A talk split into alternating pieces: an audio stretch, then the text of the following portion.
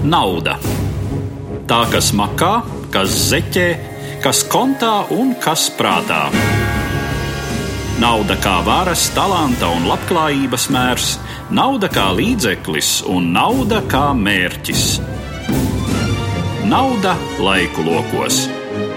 Finanšu vēsture plašākā ekonomiskā, politiskā un kultūras kontekstā sarunās ar Eduāru Liniņu. Katra mēneša pēdējā trešdienā. Raidījums top sadarbībā ar Latvijas Banku. Labdien, cienījamie klausītāji! Mēs turpinām mūsu sarunu ciklu par ekonomisko attiecību vēsturi pasaulē un mana sarunbiedra studijā Latvijas Universitātes profesore, ekonomikas zinātņu doktore Baiva Šauriņa. Labdien! Labdien!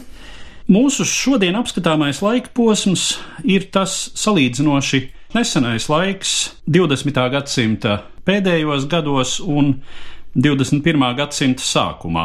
Nosacīti periods no Padomju Savienības un visas padomju sistēmas sabrukuma līdz lielajai recesijai 2007. un 2008. gadā. Vai šo laiku posmu vispār ir pamatoti skatīt kā tādu vienu pasaules ekonomikas attīstības ciklu? Jā, tas ir ārkārtīgi nozīmīgs laika posms un patiesībā arī ārkārtīgi piesātināts tieši no ekonomiskā viedokļa raugoties, jo pasaules saimniecībā notiek milzīgas pārmaiņas, kuras ir ārkārtīgi intensīvas tieši 90. gados. Sākot ar Persijas līča karu, kas ir saistīts ar naftas cenu izmaiņām un piekļuvu naftai, kas izraisa arī ļoti daudz tālākos ģeopolitiskos notikumus. Tālāk pasaulē sākas ļoti strauji ekonomikas un ārējās tirdzniecības, īpaši liberalizācijas procesi. Tas ir atbrīvot ārējo tirdzniecību no dažādām protekcionismu barjerām, veicināt preču apriti pasaulē un tiešām pieeju tirgiem, jo preču daudzums ir tik liels, ka ir ārkārtīgi nepieciešams tās pārdot, lai vispār varētu turpināt ekonomisko darbību. Un tādējādi 93. gadā noslēdz Urugvajas rauns, kas bija ļoti nozīmīgs gata rauns un tiek izveidot Pasaules tirniecības organizācija. Tālāk mums ir jāpiemina ļoti straujā vairāku pasaules reģionu attīstība. Pirmām kārtām Latīņa Amerikas ļoti straujā ienākšana pasaules apritē tieši kā milzu tirgus potenciāls.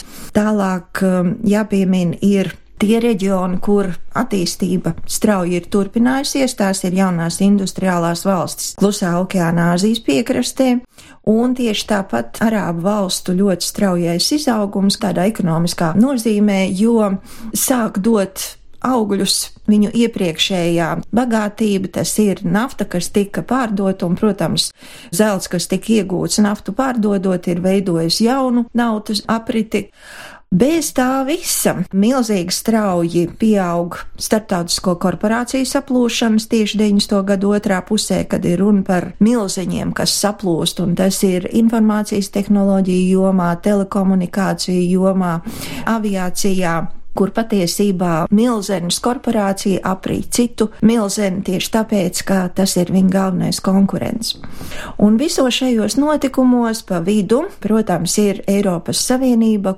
Vispirmām kārtām Eiropas Savienība kā tāda tiek izveidota 95. gadā kas jau nozīmēja iepriekšējo dalību valstu skaita palielināšanos no 12 uz 15, un sākas straujais centrālās un austrum Eiropas integrācijas process, kas noslēgsies 2000. gados.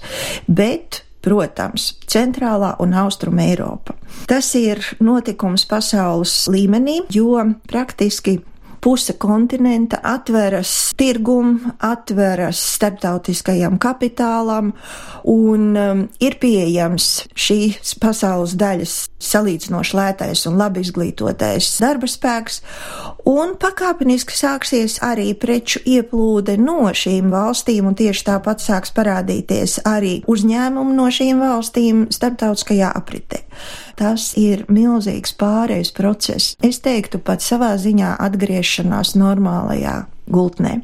Jo centrālai un austrum Eiropai, nu, ja mēs nerunājam par padomu savienību, bet par sociālismu sistēmas valstīm un arī par mums, tad 50 gadi, kas tika pavadīti sociāliskā režīma apstākļos un plānveida ekonomikas apstākļos pasaules vēstures mērogā, tas ir ļoti īss laika periods.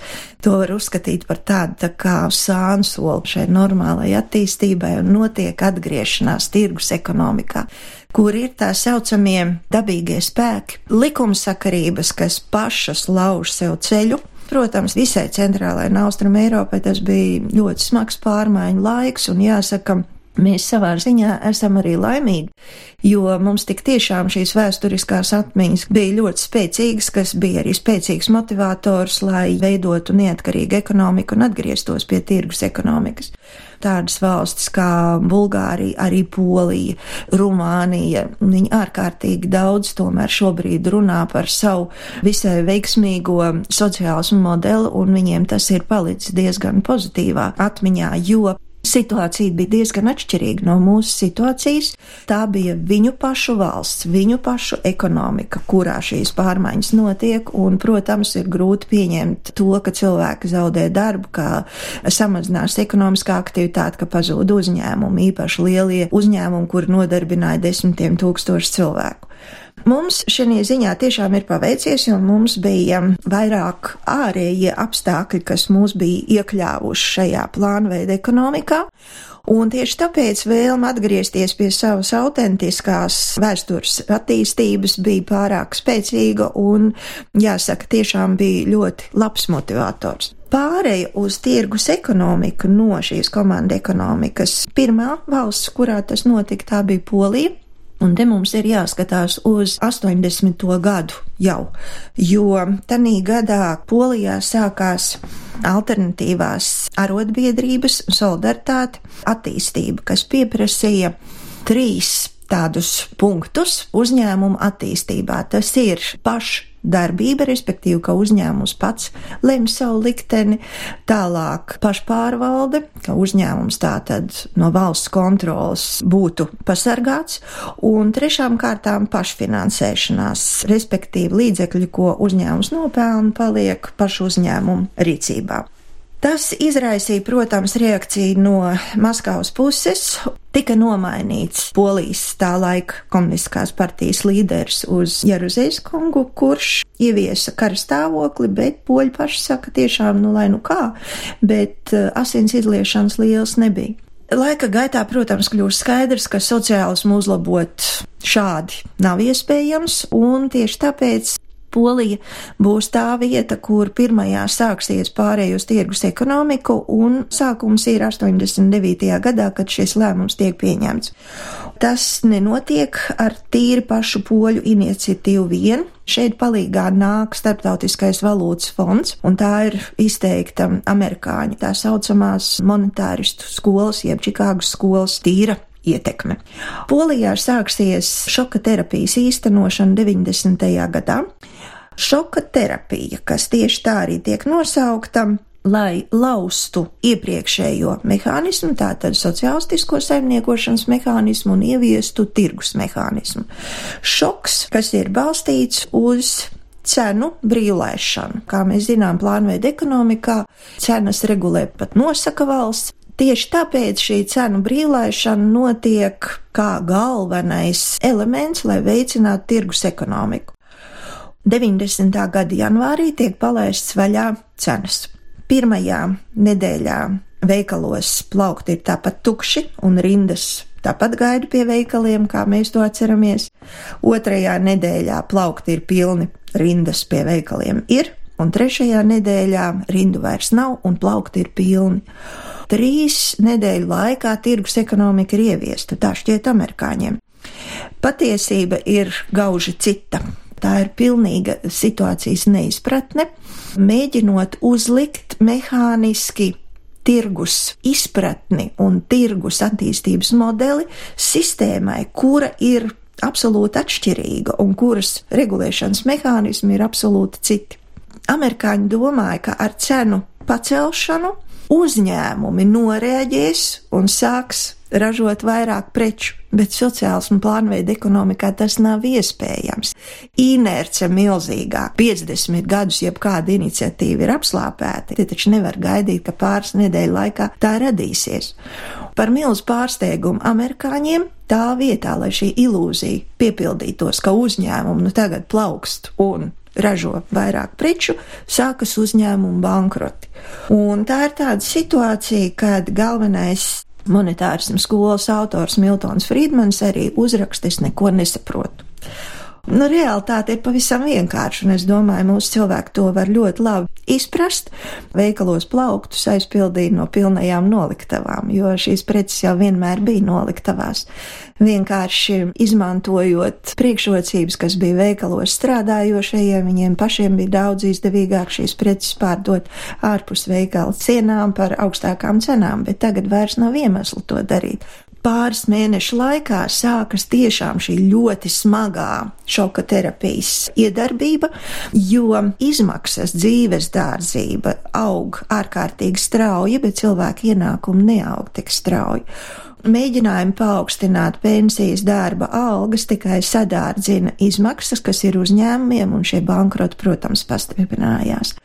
Tā rezultātā radās bezdarbs, kas jau bija aizmirsts, jo 50 gadus praktiski tāda nebija.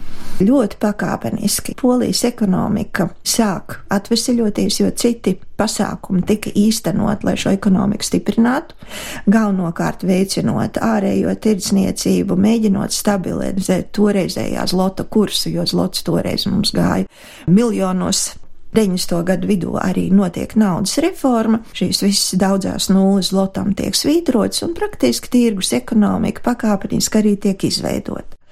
Strauji mūsu Baltijas valstis arī sekoja šim piemēram, jo tas arī nevienam nav noslēpums. Tas bija Startautiskā valūtas fonda ietekme. Lai saņemtu aizdevumu no Startautiskā valūtas fonda, nu, mums bija jāizpild zināmas prasības, un tās prasības bija tieši tādas pašas kā Polijai, un reformas bija analogas. Tāpēc mums vissmagākais bija 92. gads. Mēs visi varam atcerēties to, kā nebija autobusu, kā nelidoja litmašīnas, kā benzīns pietika knapi tikai ātrai palīdzībai, policijai un tiešām viss, viss, viss, viss nepieciešamākajām vajadzībām kā nebija apkuras, kā radās tā saucamās godmaņa krāsniņas, un, um, protams, man jau vispilgtāk atmiņā ir, kā mums lielajā zālē Aspāzijas bulvārī ir studenti sēž mēteļos un cimdos un klausās lekciju un pierakstu. Pats esmu tā sēdējis. Tieši tikai tā. Visvalžu ielā četri. Jā, Latvijā mums tolaik iekšzemes koprodukts krita ārkārtīgi strauji rūpniecībā pat pāri par 40%. Inflācija mums sasniedza 946%, un tas ir milzīgs skaitlis, bet nākamajā gadā tas jau ir tikai 11%, un pēc tam tikai 4% un tam līdzīgi. Patiesībā šīs reformas savu rezultātu deva, un ļoti strauju rezultātu. Tikai tas, ka, protams, ļoti pamatīgi cieta sociālie aspekti mūsu dzīvē, jo šī politika prasīja arī samazināt uh, budžeta izdevumus un um, veicināt savukārt budžeta ieņēmumus. Kā rezultātā sāk parādīties un praktiski izveidojās tirgus ekonomikai atbilstoša nodokļu sistēma, parādījās maksājumi par lietām, kuras mēs pirms tam nebijām maksājuši, kā piemēram maksa par telefonu sarunām. Tanīpat laikā pakāpeniski ekonomika izveidoja pilnīgi citu struktūru. Lielākais zaudējums, protams, mums ir rūpniecības zaudējums, bet mēs kļuvām par pilnīgi cita tipa tautsēmniecību, kurā dominēja finanšu sektors un savā ziņā arī pakalpojumi tika ieviestas nacionālās valūtas vispirms Igaunijā 92. gadā, Igauņu krona uzreiz. Mums vispirms tika ieviesta pagaidu valūta Latvijas rublis uz kuru viss inflācijas smagums arī gulās, un 93. gadā ienāca Lats. Savukārt Lietuvā vispirms bija kuponi, un 94. gadā ienāca līdz. Un te nu parādās ļoti interesanta likumsakarība. Tātad 92. Igaunija, 93. Latvija, 94. Lietuva. Banku krīze, kas ir absolūti normāla kapitālisma veidošanās parādība, arī notiek tikpat regulāri. Tātad Igaunijā 94. gads, Latvija 95. gads, Lietuva 96. gads. Un arī līknes attīstībā, gan inflācijas, gan koprodukta izaugsmas līknes mēs varam izsakot, tās ir ļoti, ļoti līdzīgas visās šajās valstīs, jo tās reformas ir līdzīgas. Par tādu ļoti būtisku atskaites punktu mūsu attīstībā var uzskatīt 98. gadu. Vispirmām kārtām janvārī tiek pasludināts kandidātu valstis uzņemšanai Eiropas Savienībā, un mēs esam to skaitā. Un ir vēl otrs ļoti svarīgs notikums. Tā ir krīze Krievijā, jo arī Krievija nostājās uz tirgus ekonomikas ceļu un tā tad nonāk līdz savai krīzē. Šī krīze mūs skāra, uzņēmumi arī cieta no šīs krīzes, bet mūsu ekonomika nesabruka. Tika pierādīts, ka mūsu ekonomika jau ir izveidojusies kā patstāvīga tautsēmniecība, neatkarīga tautsēmniecība. Un tālāko attīstības gaitu jau mēs varam saistīt pavisam cieši ar Eiropas Savienību, jo tālāk bija visi pasākumi, kas bija saistīti ar nodokļu harmonizāciju, ar citām reformām, kas bija saistītas tiešām ar integrācijas procesu Eiropas Savienībā. Nauda laiku logos Sarunas ar Eduardu Liniņu par finanšu vēsturi plašākā ekonomiskā, politiskā un kultūras kontekstā. Raidījums top sadarbībā ar Latvijas Banku. Runājot par šo laika posmu, 90. gadu beigās un mūsu gadsimta sākumā, vai nav tā, ka pasaulē valda zināma eiforija ekonomikas domā, šķiet, ka ir iestājies tāds zelta laikmets. Jā, varētu tiešām tā arī teikt, jo Tā ir tiešām tirgus ekonomika pilnā plaukumā, kas soļo pāri planētai, jo arvien jaunas un jaunas valstis tiek ierautas šajos procesos.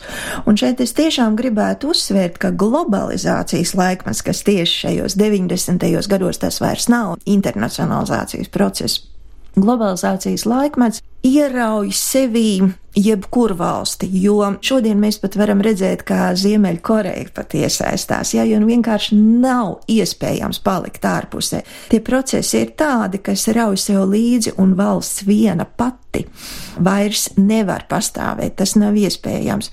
90. gados procesi sāk vienot pasauli tādā vienotā ritmā. Gan Startautiskais valūtas fonds, kurš mēģina regulēt finanšu attiecības starp valstīm, tieši tāpat Pasaules tirzniecības organizācija, kura sāk iekļaut savā apritē jautājumus, kas nav saistīti tikai un vienīgi ar tirdzniecību. Jauna joma, kas ir parādījusies pakalpojumu tirdzniecība.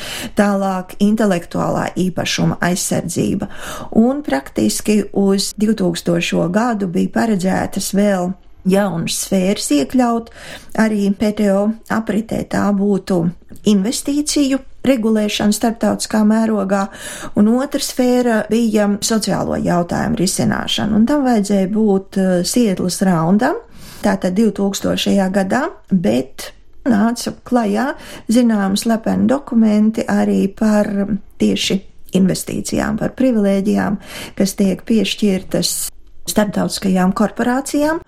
Nacionālajām valstīm būtu it kā pienākumi, kas ir jānodrošina, teiksim, labvēlīga vīda šīm korporācijām, jāļauj tām rīkoties tautsēmniecībā, kā vien tās vēlas.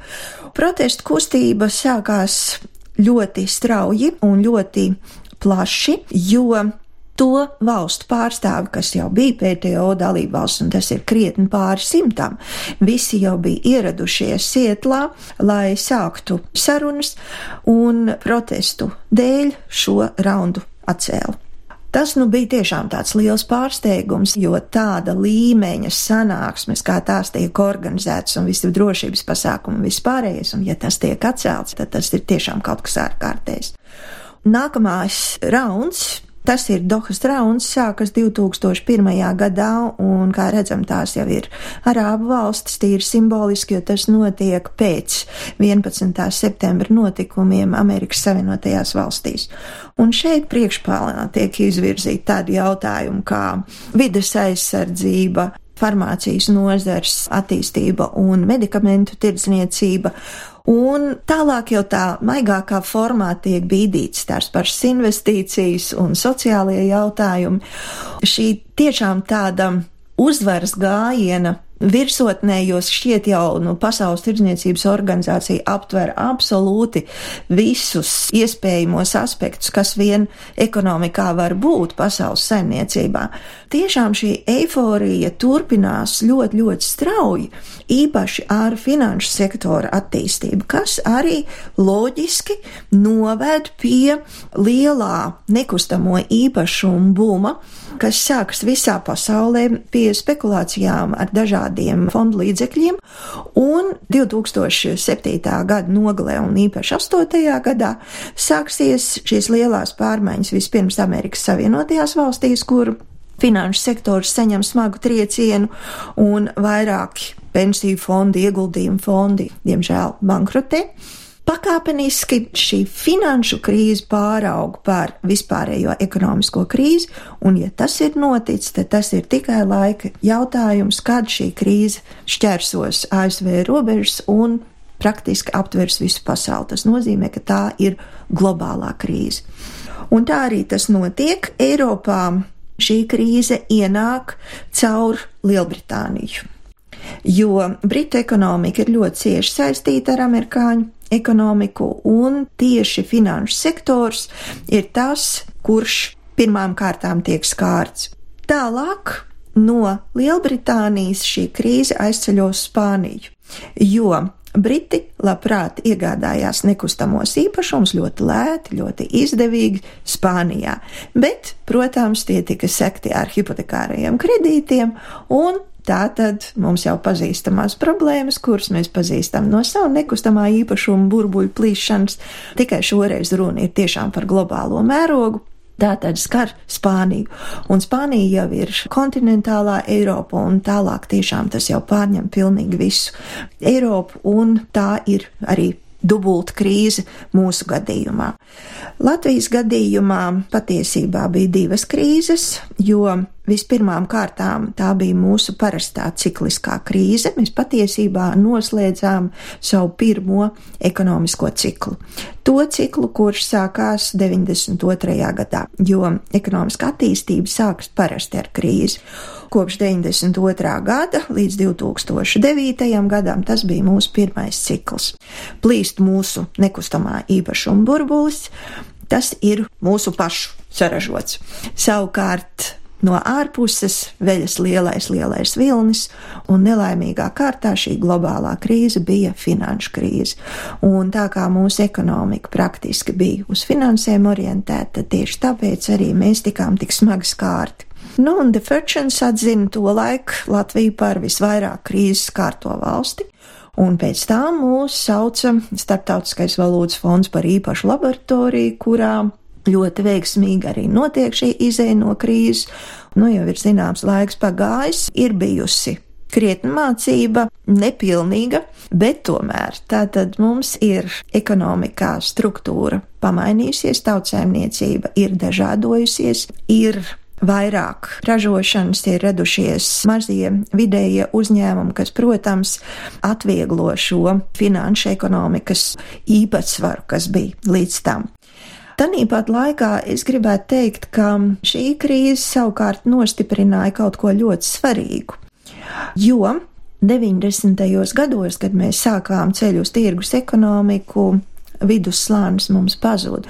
Praktiski 80% no mūsu ienākumu tika izlietot pārtikai, un viduslānis reāli izveidojās tikai uz 2000. gadu sākumu. Tieši tāpēc Es uzskatu, ka ir ļoti būtiski tas, ka 2009. gada krīzē, kas pie mums bija 9. nevis 8. gads kā pasaulē, mums šis vidusslānis tomēr noturās.